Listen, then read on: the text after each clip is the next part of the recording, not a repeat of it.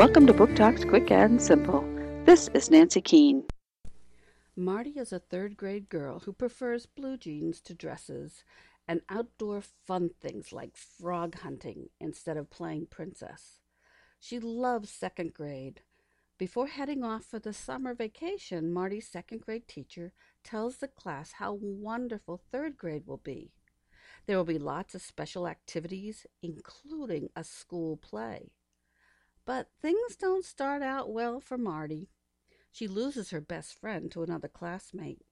And as if things aren't bad enough, when the Frog Prince is announced as the school play for this year and all the roles are assigned, Marty is given the role of the princess. How can a girl like Marty, who prefers science, nature, and slimy creatures, find a way to succeed as a princess in the school play? Will she eventually find something to like about third grade? You'll enjoy getting to know Mar- Marty McGuire. Marty McGuire by Kate Messer.